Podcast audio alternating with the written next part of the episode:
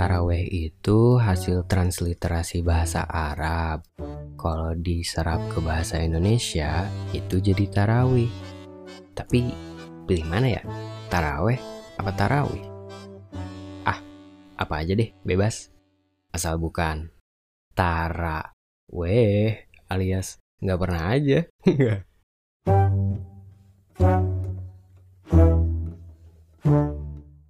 Tapi semangat-semangatnya taraweh itu nggak tahu kenapa emang di minggu pertama aja. Bukan nggak tahu kenapa sih, mager aja emang. seminggu pertama di masjid, seminggu kedua di rumah, seminggu kemudian nggak pernah. Jadi jilat lidah sendiri.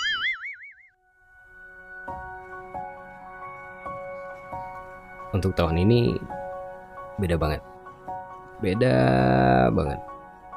Buat aku, Ramadan di tengah pandemi COVID-19 ini momentum untuk bonding bareng keluarga. Karena apa? Karena sebuah momen yang langka ketika melihat keluarga utuh kembali berkumpul dan beribadah bersama.